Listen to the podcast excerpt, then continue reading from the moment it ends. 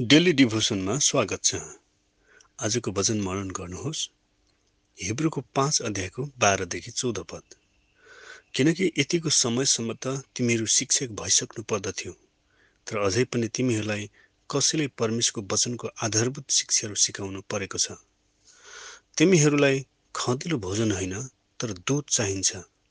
दुध मात्र खाएर बाँच्ने मानिस चाहिँ धार्मिकताको वचनमा निपुण हुँदैन किनकि त्यो बालकै हुन्छ।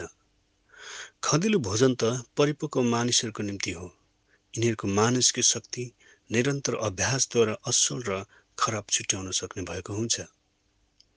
हिब्रूहरूलाई यो पत्र लेख्दै गर्दा उनीहरू आत्मिक रूपमा कमजोर र बालक नै थिए। बाइबलका गहकिला र वचनको आधारभूत शिक्षाहरू राम्ररी सिकेका थिएनन्। दुध र खदिलो खानेकुरा दुवै परमेश्वरका वचन हुन्। दुध चाहिँ नयाँ विश्वासीको निम्ति हो। परिपक्व विश्वासीको निम्ति खदिलो खानेकुरा जस्ता वचनहरू हुन्। अक्सर मानिसहरू त्यसो गर्दा सजिलो लाग्ने हुनाले आत्मिक रीतिले दुध मात्र खाएर रहन चाहन्छन्। अलिक चुनौती भयो वा आज्ञाकारी हुनुपर्ने भयो भने गाह्रो मानेर पछाडि हट्ने हुनाले त्यस्तो व्यक्ति कहिल्यै पनि आत्मामा डर हुन पाउँदैन। आत्मिक वृद्धिको लागि प्रार्थना गरिदेऊ भनेर मात्र कहिले वृद्धि हुन्न।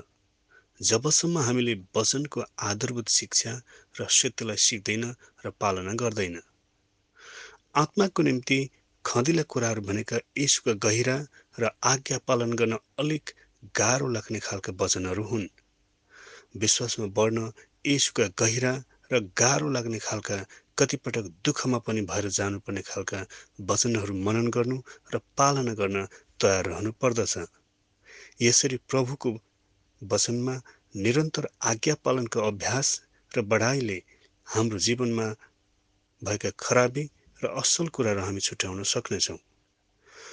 वचन मनन र आज्ञाकारिताको अभ्यासद्वारा नै पवित्र आत्माले हामीमा काम गर्नुहुन्छ। हामी दिनदिनै दह्रो बन्दै जानेछौँ। आमेन।